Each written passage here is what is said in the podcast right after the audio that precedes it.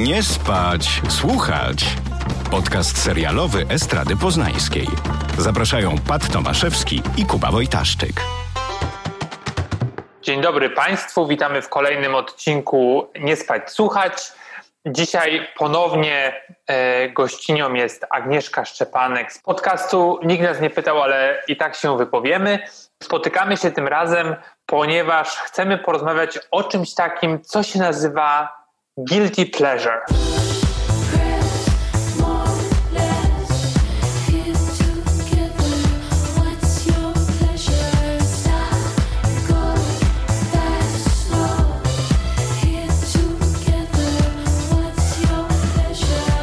I Agnieszka jest, no, biegła w te sprawy. Witaj, Agnieszko. Dzień dobry, dziękuję, że jestem biegła w te sprawy. Ja po prostu mogę powiedzieć, no, że uwielbiam marnować czas, zwłaszcza jak go nie mam. Więc myślę, że, że jestem biegła, jeżeli chodzi o tę zdolność i tę umiejętność. Pretekstem do e, tego programu e, była informacja, która kilka dni temu obiegła cały internet, że po 14 latach, po 20 sezonach Kardashianki odchodzą e, z telewizji. Nie będzie już e, sławnego reality show Keep Up with the Kardashians. All right, we're ready. No, no, no. You're ready. Here. The wind, you guys? Is this necessary? Go change. Awful. No, that is not cute. I need someone to make me laugh. Where's Kim? Kim is always late. Here. który gościł właśnie przez te 14 lat e, na kanale I i który program odmienił tak naprawdę rzeczywistość Hollywoodu, rzeczywistość telewizyjną, no i zmienił nawyki nie tylko widzów i widzek, ale też tego, jak konsumujemy um, telewizję, konsumujemy programy i też tego, jak patrzymy na celebryctwo i co celebryci i celebrytki robią z nami. Powiedz mi, Agnieszko, tak na początek, czy Pamiętasz z dzieciństwa, z młodości taki program, który dzisiaj właśnie określilibyśmy takim czymś, czym jest guilty przyjemnością, ale wtedy oglądałaś to, no nie wiem, bo była, bo była taka moda, czy po prostu się pojawiło w telewizji? E, no ja y, generalnie wydaje mi się konsumowałam dosyć dużo telewizji od najmłodszych lat i wszystkie takie seriale amerykańskie z lektorem, które pojawiały się na TVN7 albo na TVN w późnych godzinach nocnych konsumowałam z wielką przyjemnością i Ali McBeal to jest chyba taka moja w ogóle najwcześniejsza guilty pleasure, którą pamiętam, ale też jeżeli chodzi, ale to chodzi jeżeli chodzi o seriale, a jeżeli chodzi o reality TV, no to chyba Big Brother, nie? Żyj, by każdy twój dzień nowym był wyzwaniem, wyznaczą ci i odwagę miej, w końcu to dostaniesz, wystarczy, że chcesz.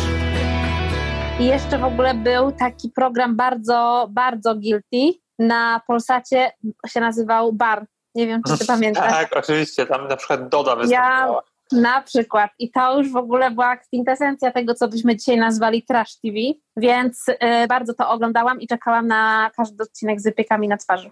Dla mnie takim ważnym programem był Big Brother zdecydowanie. I Janusz Dzięcioł na pewno. Janusz Dzięcioł, znaczy ten pierwszy sezon jest taki trochę nieszczęśliwy, bo tam już dużo osób nie żyje z tego, e, czy kilka przynajmniej nie No, żyje z tego. To jest chyba znaczące. I pamiętam, że takie bardzo poczytne i opiniotwórcze czasopismo Brawo rozmawiało z moim ukochanym zespołem z dzieciństwa, czyli z 18s, o tym, czy, znaczy zrobić taki kwestionariusz, czy, zna, czy odnaleźliby się i odnalazłyby się właśnie w programie typu Big Brother. Ja wtedy czytając ten artykuł nie miałem zielonego pojęcia, czym jest Big Brother. Dopiero się dowiedziałem wraz z emisją na TVN-ie w pamięci mam oprócz tego pierwszego sezonu, gdzie właśnie była Manuela, gdzie była Gosia, która podobno fajki kradła i generalnie byłem bardzo podekscytowany. Nawet prowadziłem zeszyty, w którym opisywałem każdy dzień Nie. bohaterów Nie. tegoż, Nie. tegoż, e, tegoż reality show, ale jak się pojawił trzeci sezon, już byłem bardziej świadomym odbiorcą, ale może, może nie bardziej świadomym odbiorcą, ale byłem bardziej świadomym mojej seksualności i był tam taki e, chłopak, który na imię Dawid, No. bodajże pół Grekiem, pół Polakiem i na cześć tego bohatera wziąłem sobie imię Dawid na bierzmowanie. Nie! tak, więc Jezu, jakby my się znamy tyle lat, a ja nie znam tak żenujących historii o tobie. no widzisz, wszystko było To jest w ogóle złoto, więc możesz od teraz liczyć na to, że nie masz życia ze mną, bo będę to wykorzystywać cały czas, Dawidzie. Dawidzie, czy dlatego, że mam, wziąłem sobie Dawid, czy że byłem u bierzmowania? E, No, to i to. Ale, no właśnie, ty powiedziałaś o Ali McBeal, wspomniałaś o Barze i Big Brotherze. No właśnie, jakby pojęcie tego guilty pleasure, czy tego trashy TV jest trochę bardzo szerokie.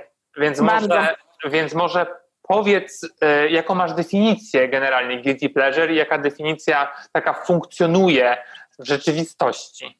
No więc mi się wydaje, że to guilty pleasure, no to tłumacząc na język polski, nasz piękny, ojczystą mowę orła białego, to jest po prostu taka grzeszna przyjemność, coś, co bardzo lubimy, ale trochę wstydzimy się powiedzieć, że to lubimy, robimy to trochę w ukryciu i e, mamy z tego jakby taką bardzo dużą przyjemność związaną z tym, że się przy tym odprężamy, że trochę zaspokaja nasze takie potrzeby związane z takim prostym odbiorem czegoś, po prostu z tym, że lubimy po prostu konsumować rozrywkę szeroko pojętą.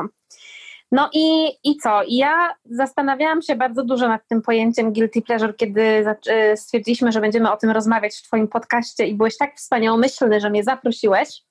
I e, ja właśnie jestem w trakcie konsumowania obsesyjnego e, The Real Housewife of Beverly Hills. This season on The Real Housewives of Beverly Hills.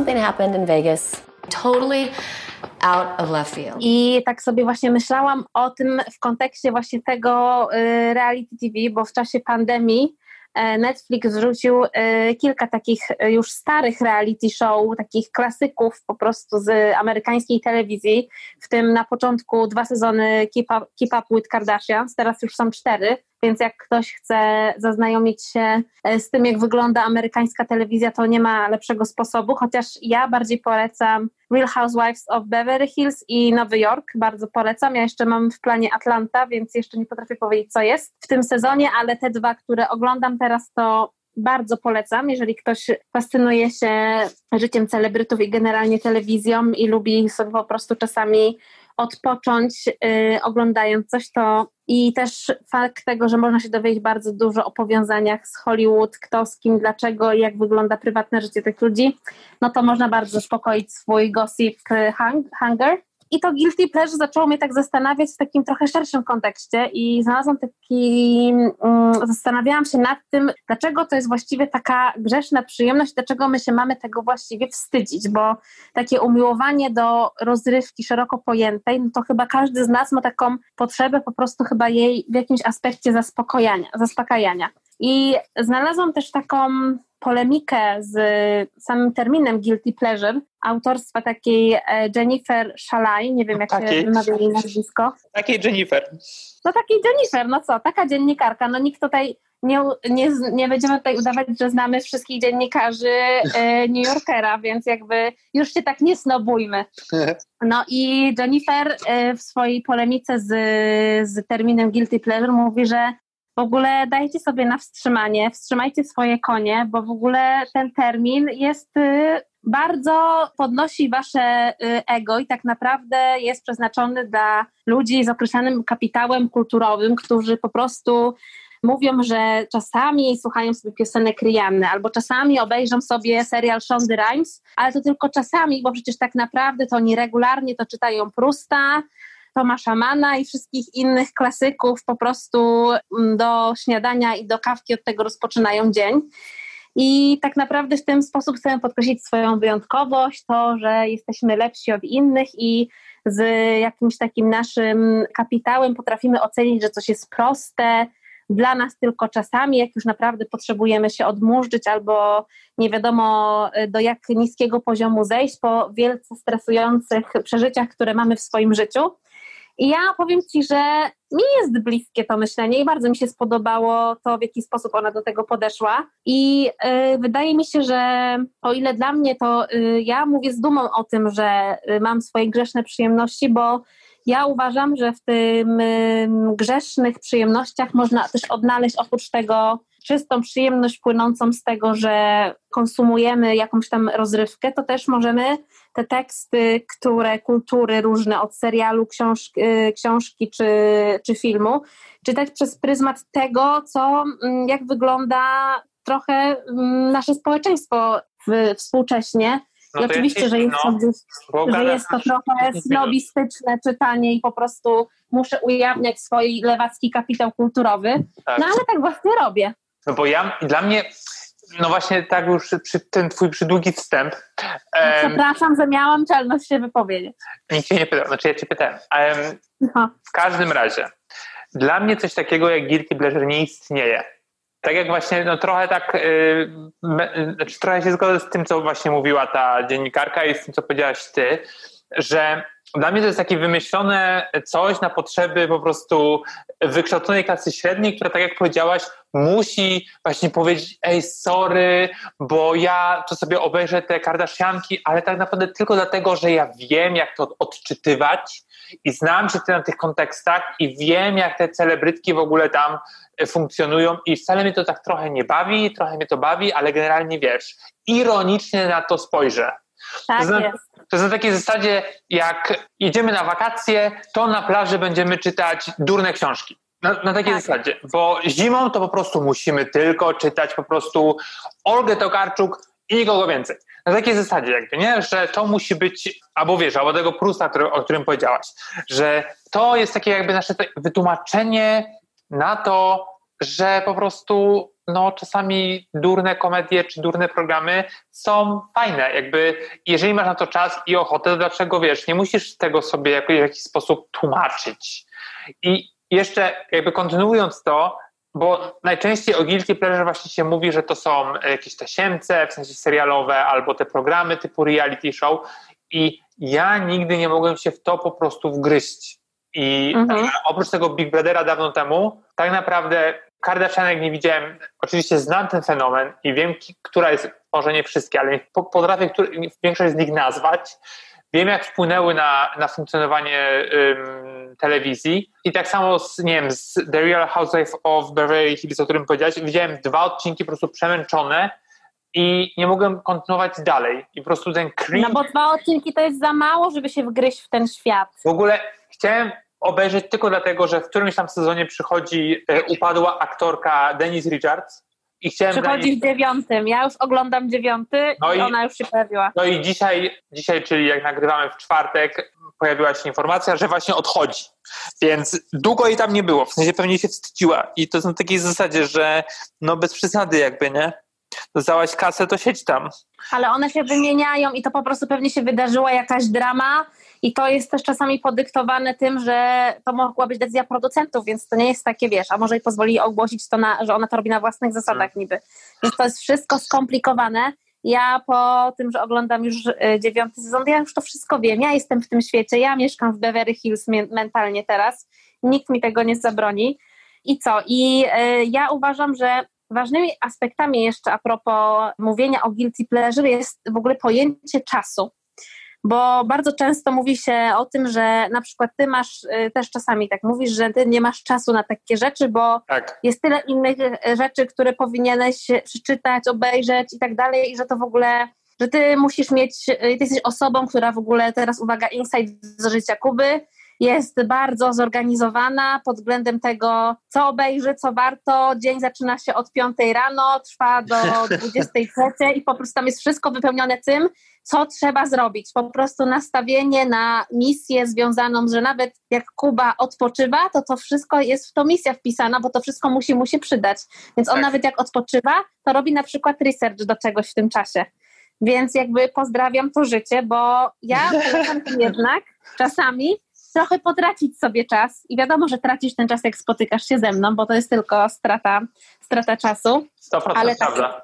Tak, ale tak jednak mówiąc poważnie, to takie tracenie czasu, marnotrawienie to, w które na pewno wszyscy, które dużo ludzi będzie potrafiło e, relate, ta prokrastynacja, czyli odkładanie tych wszystkich rzeczy, które powinniśmy zrobić, ale mówimy no sobie, to jeszcze jeden odcineczek i wtedy to już na pewno do tego usiądę, na pewno już to zrobię, no to przecież te właśnie produkcje, czy te teksty kultury są po prostu do tego świetnie stworzone, bo one nam dają takie poczucie bezpieczeństwa, że tworzą taką bezpieczną przestrzeń, w której możesz uchronić się przed tymi wszystkimi obowiązkami, które na ciebie czyhają, nad tymi wszystkimi rzeczami, które są przytłaczające, które wymagają Twojego skupienia, uwagi albo tego, że po prostu jak jesteś osobą empatyczną, to będziesz się też przejmować niektórymi rzeczami. I ja na przykład teraz doświadczam takiego bardzo dużego e, zderzenia rzeczywistości, bo oprócz tego, że e, na co dzień pracuję, to też pracuję na festiwalu filmów dokumentalnych i mam tę przyjemność i przywilej, że mogę sobie przy okazji te filmy oglądać, więc yy, no, nie ma się co oszukiwać, że te filmy są raczej depresyjne i nie pokazują, jakby nie dają nam nadziei na lepszą przyszłość i na to, że żyjemy w świecie sprawiedliwym, fair i tak dalej. I oglądam te wszystkie dokumenty, wychodzę totalnie przejęta, ale potem przychodzę do domu i przed snem jeszcze sobie obejrzę jeden odcineczek Beverly Hills, bo po prostu potrzebuję tego resetu przed tym, bo to jest po prostu już tak dużo dla mojego mózgu. To przejmowanie się i myślenie o tym, że zasypianie jakby z tą traumą jest dla mnie jakby no zbyt obciążające, a jak zasnę sobie wiedząc o, y, będąc Beverly Hills, to jednak mi jest trochę lepiej w życiu. Mhm. Więc ta bezpieczna przestrzeń, no tak, ale poza tym ja chciałam Ci powiedzieć, że y, no, nie ma co się oszukiwać, ale umiłowa- umiłowanie człowieka do plotkowania jest w każdym z nas i po prostu ty kochasz ploteczki tak samo jak ja.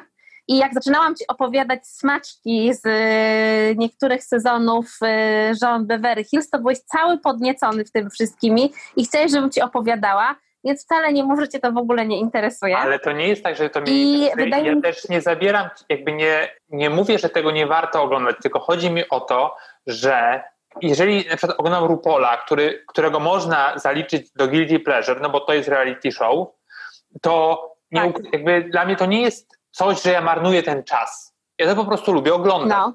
Jeżeli wsiągłbym w jakiś program typu reality show, to pewnie bym go oglądał bez, bez mrugnięcia powiekami. W sensie, no okej, okay, podoba mi się to i oglądam. I, I na przykład szukam takich programów, których u nas najczęściej nie ma i trudno są one u nas dostępne. I był taki reality show, który się nazywa, cały czas jest na MTV, nazywa się Are You The One?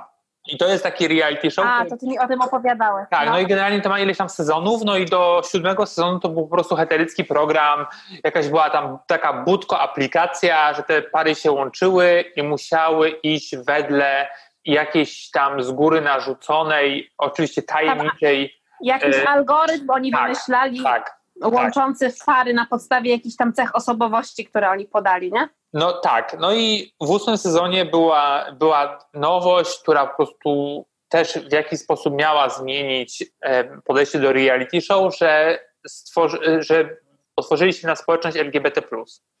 I te wszystkie osoby, które tam były, były nie heteronormatywne.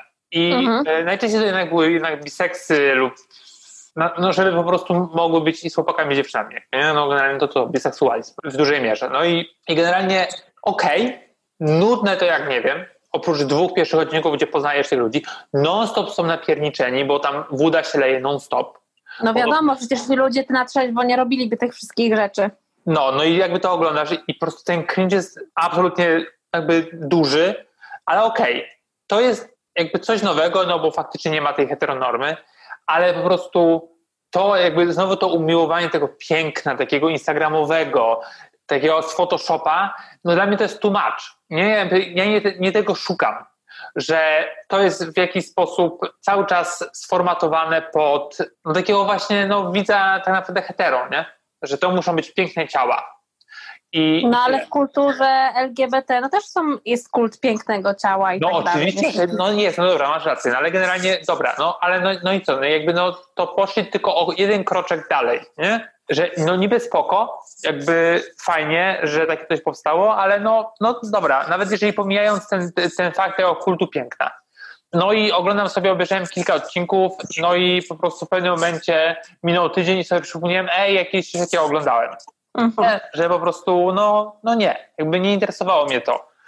I ponownie, podobnie było z czymś, e, co się pojawiło na, na Netflixie chyba też w czasie pandemii i to było Love is Blind, co... O Jezu, ja kocham ten program. I've met the person I want to spend the rest of my life with.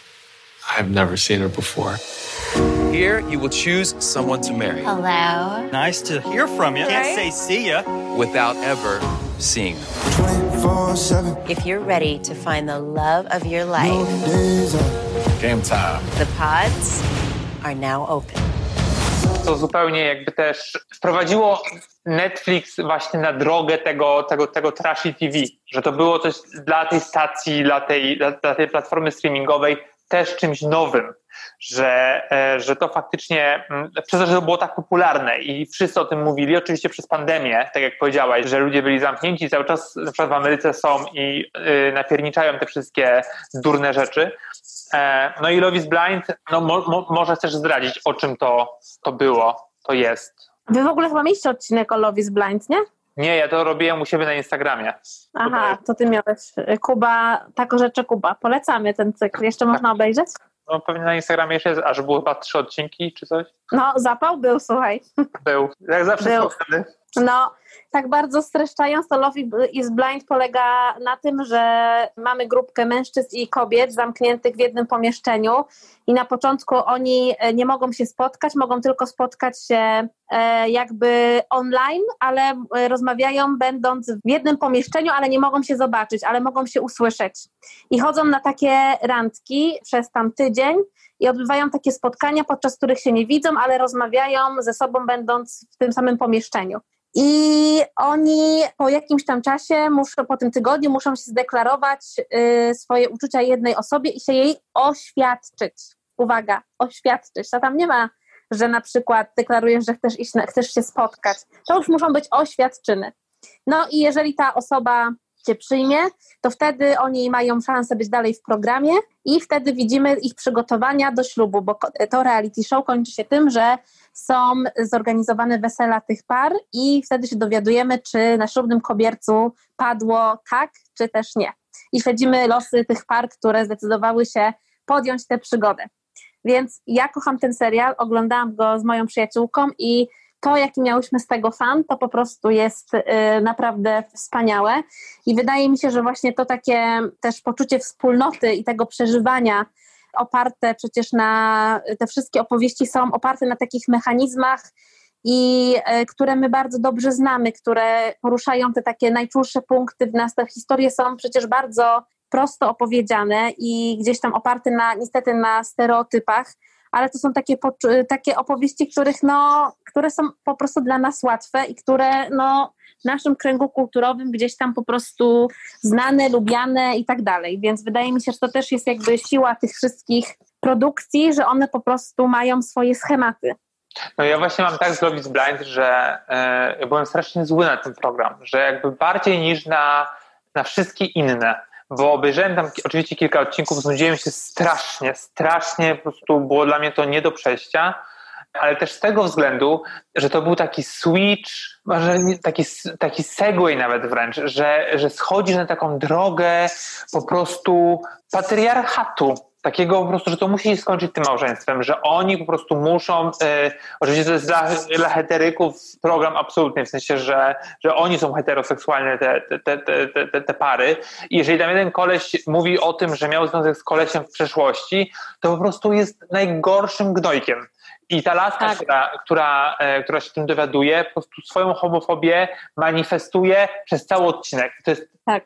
okej, może się czuć oszukana, ale no, halo, jesteś w programie, który polega na tym, że nie widzisz kolesia na oczy i się z nim hajtasz na koniec, więc naprawdę możesz sobie wsadzić swoją homofobię w kieszeń i wyjść. A, a ten koleś jest pokazany jako, jako czarny charakter, nie? że on ukrywał Tak. to, on jej to nie powiedział.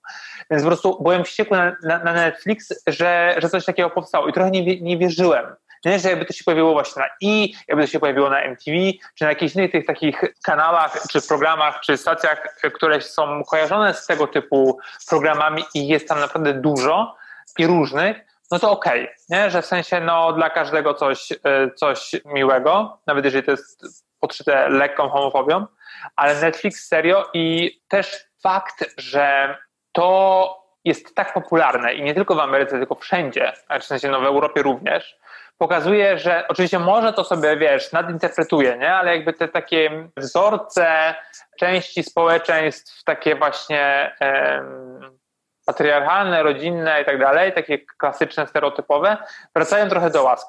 I tego się też trochę boję. Może to jest moja nadinterpretacja, ale wiesz, gdzieś tam czytałem o tym w czasie trwania, kiedy ten program debiutował i gdzieś te takie głosy też się pojawiły. Więc tyle z mojej strony na ten temat. Ja w ogóle e, chciałam powiedzieć, że właśnie w tych momentach, kiedy wychodzą takie rzeczy, gdzie są e, niepokojące sygnały w tych e, programach, czy takie rzeczy, gdzie no wymagałoby to jakiegoś komentarza, bo na przykład w Real Housewife of Beverly Hills to, to jest, nie jest tylko tak, że to jest życie opisane przez blichtr, pieniądze i tak dalej, ale też tam pojawiają się takie problemy, które są naprawdę bardzo poważne, takie jak przemoc domowa wobec kobiet, rasizm, ageizm i tak dalej. I to nie jest tylko tak, że konsumujesz to jako taką y, zupełnie prostą rzecz, bo naprawdę ten program ma kilka takich punktów, gdzie naprawdę warto się zatrzymać, zastanowić i pokazuje realne problemy, z którymi ludzie się zmagają, tak. historie, które ich doświadczają i nieważne ile masz pieniędzy, ale no po prostu tak samo cię to dotyka i to jest ten moment, kiedy jakby we mnie aż krzyczy to, o czym już od dawna jakby gdzieś tam na, na studiach rozmawialiśmy, bo ja akurat y, miałam taką specjalizację związaną z, z mediami i czytaniem tekstów medialnych, była po prostu edukacja taka telewizyjna, która po prostu według mnie powinna być w szkole od najmłodszych lat, bo no ludzie, kiedy, znaczy, no ja jak oglądałam i konsumowałam te wszystkie mm, treści od najmłodszych lat, ja od początku nie miałam takiego, takiej wiedzy najbardziej oczywistej, że na przykład y, te programy reality show są reżyserowane. Tak. Że to wszystko zależy od tego, jak sytuacja została zmontowana, i nawet sama muzyka może nadać charakter danej sytuacji, czy odbierzesz daną postać negatywnie, czy pozytywnie. Tak że te osoby, które biorą w udział w tym reality show, one po prostu mają napisane, że w tym sezonie mają być na przykład beachy, yy, nieznośne i tak dalej i one dostają za to ogromną kasę, żeby tak zrobić i mają z tego benefity potem związane z tym, że podpisują kontrakty z jakimiś tam yy, innymi yy, firmami, reklamując tam jakieś rzeczy czy usługi, dostając inne swoje programy i tak dalej, więc to jest wszystko bardzo skalkulowane. I no, są też takie momenty, kiedy na przykład y, są wy, wysyłane właśnie takie bardzo niepokojące sygnały a propos właśnie, na przykład był taki y, komentarz bardzo y, rasistowski w jednym sezonie, wokół którego kręciło się, bo trzeba dodać, że The Real Housewives of Beverly Hills to jest tak, że każdy sezon to jest jedna główna drama i cały sezon się kończy, kręci wokół tej jednej dramy. Więc po prostu potem ona już y, urasta do już takiego największego absurdu, ale jednak kiedyś wiązała się z tym, że jedna z, y, z bohaterek, Brandy, powiedziała do jednej z dziewczyn, która była pochodzenia, ona była z, z Meksyku chyba, nawet nie, nie, nie pamiętam jak się nazywała, bo ona była tylko przez jeden sezon, nie przedłużyli jej niestety umowy, bo nie była zbyt, y, zbyt medialna powiedziało jej, że ona nie chce wejść do basenu, bo ona przecież tak jak wszyscy czarni ludzie nie potrafi pływać. No i z tego się zrobiła ogromna afera, ale nie padły tam najważniejsze słowa, bo oczywiście padały te wszystkie takie najbardziej, jakby wiesz, typowe odpowiedzi, które mają osoby, które się bronią i nie potrafią przyznać się, że, to, że powiedziały coś rasistowskiego, że ja mam przecież znajomych czarnoskórych, że oni by się nie obrazili, tak, tak, że tak. oni wiedzą, że nie jestem rasistką, że przecież ja kocham hip-hop, ja w ogóle mm, kocham czarnych ludzi i tak dalej a nie, nie, padło jakby najważniejsze sformułowanie związane z tym, że no posłużyłam się najgorszy, jednym z najgorszych stereotypów i, mimo, i chociaż nie jestem rasistką, to, to jakby moja uwaga była rasistowska, przepraszam i koniec, ale po prostu ten mechanizm obronny związany z tym, że posądzenie o rasizm teraz, no to jest bardzo jakby no, takie wykluczające y, ciebie z jakiejś tam wspólnoty i jakby wiadomo, że nikt nie chce być posądzony o to. No i w tym momencie jakby nie padły te najważniejsze słowa i no ludzie zostali z tym jakby, y, jakby gdzieś tam po prostu z jakimś takim brakiem przesłania z tej sytuacji. Tak samo z, z problemem przemocy domowej, który gdzieś tam się pojawiał w kilku sezonach, czy internetowego hejtu, czy też na przykład problemów z zaburzeniami odżywiania u nastolatek i tak dalej. Więc jest tam, tam po prostu aż krzyczy o to, żeby to gdzieś było okraszone jakimś komentarzem, albo żeby po prostu analizować te rzeczy, które konsumowane są przez tak dużą y, liczbę odbiorców, żeby o tym mówić, no bo jednak no te rzeczy idą potem w świat i gdzieś tam ludzie z tym zostają i nie wiedzą, że jakby to wszystko jest podane w ten sposób, że zostaje, dostajesz produkt wyreżyserowany, to nie jest spontaniczna na przykład relacja tych ludzi w jakimś tam sensie i to, że oni są na przykład pojeni alkoholami w tych niektórych programach. Więc y, no mi się wydaje, że jakby można to traktować jako taką przyjemność związaną z odbieraniem tego, ale to też niesie za sobą pewną odpowiedzialność. Chciałem jeszcze dodać, e, zanim mi myśl ucieknie, że mm, widzisz, że tak jak opowiadałaś e, o tym, że była ta rasistowska, e, ten rasistowski komentarz, no to po no. całym sezonie odpadła jednak z tego programu ta laska, której ten komentarz dotyczył. Jakby ona była najmniej tak. popularną postacią w tym reality. Ale dlatego, że ta laska, której ust padły, ona po prostu robiła y, no, bardzo dużą oglądalność po tym, że była bardzo kontrowersyjna.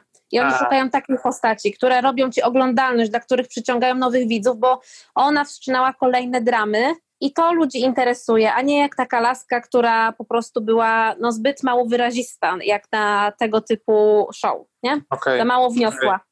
Więc to te, tego dotyczyło. Jeszcze teraz tak sobie uświadomiłem, że jak mówiłaś, że jakby pro, prokrastynacja to po prostu często nasze drugie imię i to nie jest tak, że ja jej, jej nie uprawiam. Jasne, jasne. Wszystko Bo... wyliczone.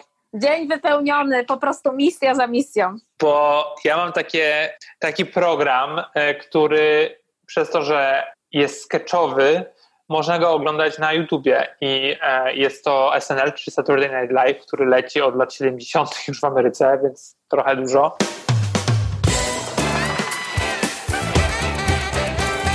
It's Saturday Night Live! I hope someone walks up soon so I can say welcome to Target. I just want to say welcome to Target. I just want to say welcome to Target to somebody. Welcome to Target!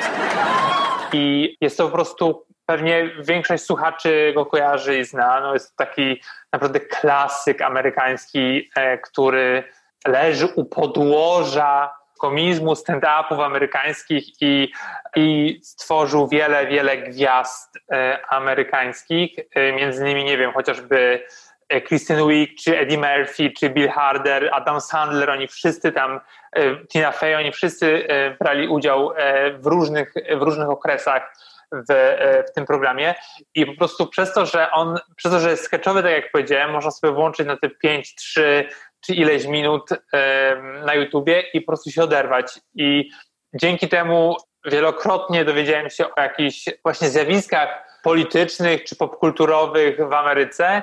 Między innymi właśnie jak powiedziałeś o Real House of Beverly Hills, no tam jest Alisa Vanderpump, czy jak nam się nazywa.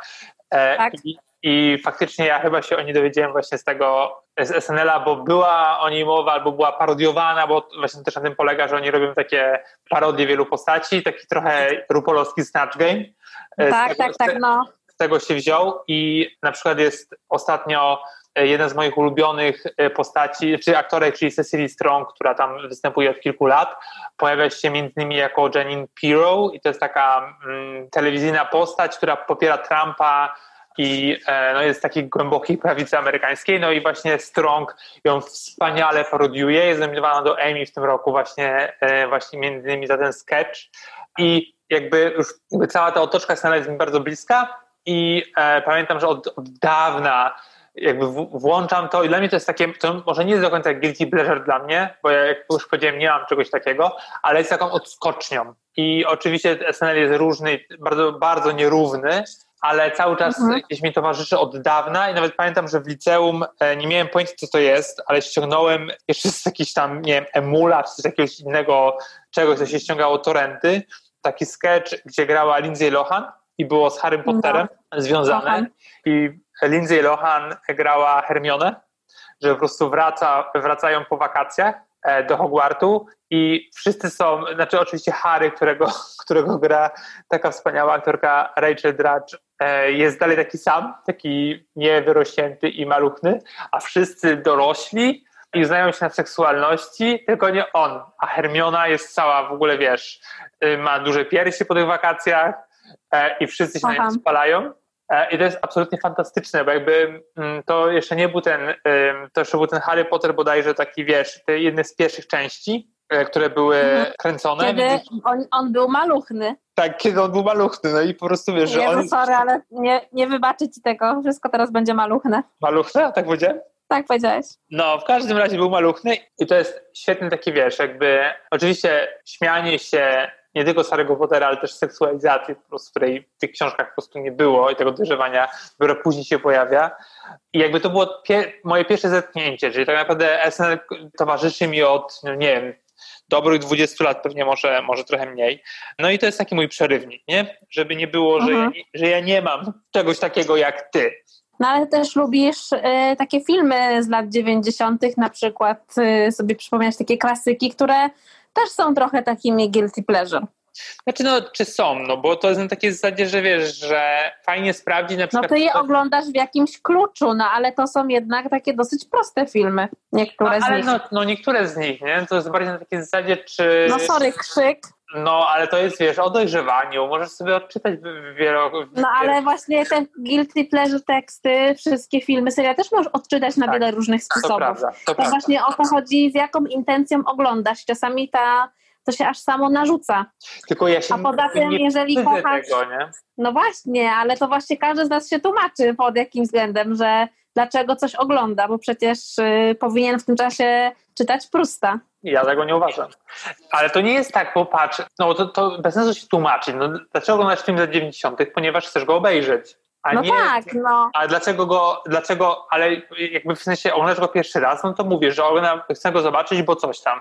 No to tłumaczysz, to, to nie jest tłumaczenie, to jest po prostu odpowiedź na No pytanie. tak, ale o to chodzi, że to nie jest y, kino niezależne, jakieś tam po prostu jakieś, y, teraz nie przychodzi mi żaden reżyser do głowy, jakieś takie po prostu klasyka, tylko że taka klasyka też mm, no, filmu takiego popularnego. Nie, No, ale ja też w pewnym momencie w, y, przestałem się oszukiwać. Już uznałem, że nie jestem na kulturoznawstwie i nie muszę udawać przed samym sobą, że po prostu kocham Bergmana i chcę te poziomki czy tam truskawki zbierać. No właśnie, no tylko właśnie. chcę po prostu slashery zobaczyć sobie elegancko albo, albo jakiś, jakąś komedię durną z, e, z Cameron Diaz i mam No czyli tego- masz takie, masz swoje przyjemności. No tak, ale to jest, to też nie znaczy, że na przykład Bergman nie może być taką przyjemnością, nie? No tak, ale to jest bardziej wymagająca przyjemność. To są róż, różnego rodzaju przyjemności. No, powiedzmy. No, dobrze. powiedzmy. Dobrze, to Dobrze. wydaje mi się, że to powiedzmy, to jest piękna puenta e, tejże naszej e, fascynującej rozmowy na temat guilty pleasure. Myślę, że warto jeszcze coś polecić, w sensie takiego z tego gatunku może, co jest Tak. do, do właśnie do guilty pleasure. Co polecasz, Agnieszko? No więc ja polecam, bo ja też w ogóle, jeżeli chodzi o e, tego typu produkcje, to kocham czasami zawarty w nich absurd, e, kicz i camp. Jeżeli ktoś lubi też tego typu rzeczy, to ja polecam i też wiem, że Patrycjusz kocha ten serial tak samo jak ja. To jest serial You na Netflixie, który ma już dwa sezony. Czegoś bardziej absurdalnego i śmiesznego nie zobaczycie. To jest po prostu no, hit, więc to po prostu bardzo polecam. Jeżeli chodzi o reality show, to polecam jeszcze Too Hot to Handle. Tam jest e, na, tak, to jest zarąbiste, bo tam jest taka, e, oprócz tego, że jest to reality show, który ma łączyć w pary same insta hot osoby, to ich głównym zadaniem jest to, że oni nie mogą się do siebie zbliżać, nie mogą uprawiać seksu i ten reality show ma narratorkę. I to jest bardzo ciekawy zabieg i ta narratorka jest e, bardzo złośliwa i e, ma bardzo fajne komentarze, jeżeli chodzi o samą strukturę tego programu i tego, jak wyśmiewa się takie wzorce piękna i to, jak konstruowane są takie programy, więc to jest tak bardzo też na złamanie. I ja też polecam serial y, What If z Renée Zellweger, która powraca na Botoksowana. Można też to obejrzeć na Netflixie, więc y, polecam generalnie Netflix jako kopalnię Guilty Pleasure. Ja nie mam pojęcia, co mogę polecić. E, A jeszcze Riverdale to jest w ogóle, ale to już mnie to nawet, mnie to, nawet mnie to przerosło. Nawet mnie to przerosło, więc jeżeli ktoś jest, y, ma, y, ocenia swoje zdolności na dosyć mocne, to ja polecam. Ja wydałam chyba przez dwa sezony przebrnęłam albo trzy, ale jak zaczęły się odcinki musicalowe, to już powiedziałam. Ja widziałem jeden odcinek, więc wygrałem coś? Nie. nie mam pojęcia, co mam polecić. Generalnie, tak jak powiedziałaś o tych filmach z lat 90., warto jednak sobie może je prześledzić i zobaczyć, jest e, w ogóle z innej perspektywy, bo na przykład generalnie polecam Sposób na blondynkę, to jest film, który e, mam zamiar obejrzeć, ponieważ słyszę e, ponownie, bo słyszę o nim, słucham różnych podcastów filmowych i bardzo często ten tytuł się pojawia i nawet przez to, że Cameron Diaz jest na aktorskiej emeryturze, mówi się o tym, że to jest jej jedna z najważniejszych ról właśnie Mhm. i, i jeżeli Oscary wtedy dawałyby, znaczy teraz też, ale wtedy głównie dawałyby nominacje i nagrody za, za role komediowe, to Cameron Diaz powinna takową otrzymać. Więc jestem ciekawy, czy tak samo to odbiorę i mam właśnie Mhm. zamiar właśnie do tego filmu wrócić, więc może wróćcie ze mną. Tak będzie. Ja sobie też obejrzę w takim razie.